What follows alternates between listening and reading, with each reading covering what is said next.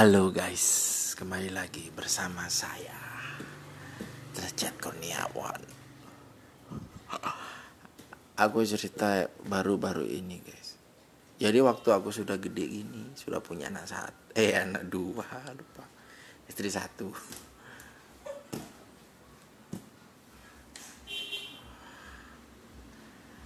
Jadi pada waktu waktu malam itu. Aku lupa sih tanggalnya tanggal berapa bulan apa tahun berapa aku lupa.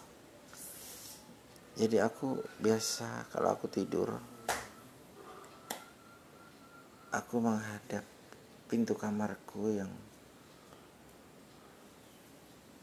waktu itu tertutup sih. Waktu itu tertutup. Jadi pintu kamar ditutup aku tidur kepala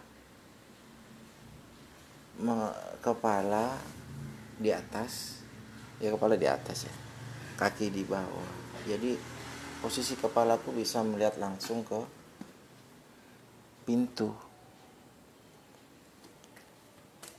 Waktu itu aku sudah tidur. Ketika tidur lampu dimatikan karena katanya ada yang bisa nggak bisa tidur kalau nggak pakai lampu. Tapi masih kelihatan kan ada lampu jalan. Jadi masih bisa lihat sekeliling. Waktu itu waktu aku tidur sekitar tengah malam lewat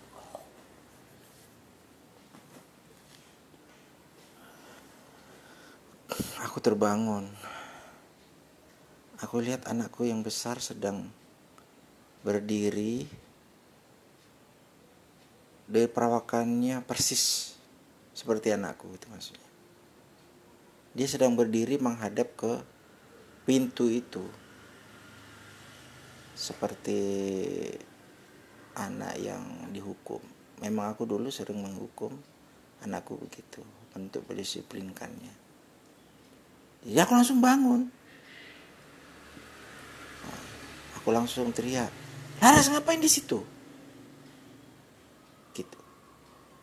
Terus entah kenapa aku tersadar loh ternyata Laras anakku berada di sebelahku terus yang berdiri di situ siapa? Ketika aku melihat ke pintu kembali sosok itu sudah tidak ada. Pokoknya saya tidak lihat wajahnya sih tapi pokoknya mukanya itu. Eh mukanya. Mukanya saya juga tidak tahu karena nggak nggak kelihatan. Wajahnya kan dia menghadap ke pintu. Tapi potongannya itu persis rambutnya pendek. Gitu rambutnya pendek tingginya hampir sama dan sampai saat ini itu menjadi misteri di rumah ini. Rumah yang sekarang saya tempati ini. Saya banyak hal-hal gaib yang saya alami juga di tempat ini yang lain. Nanti saya share saya cerita di lain kesempatan. Ya begini cerita dari saya.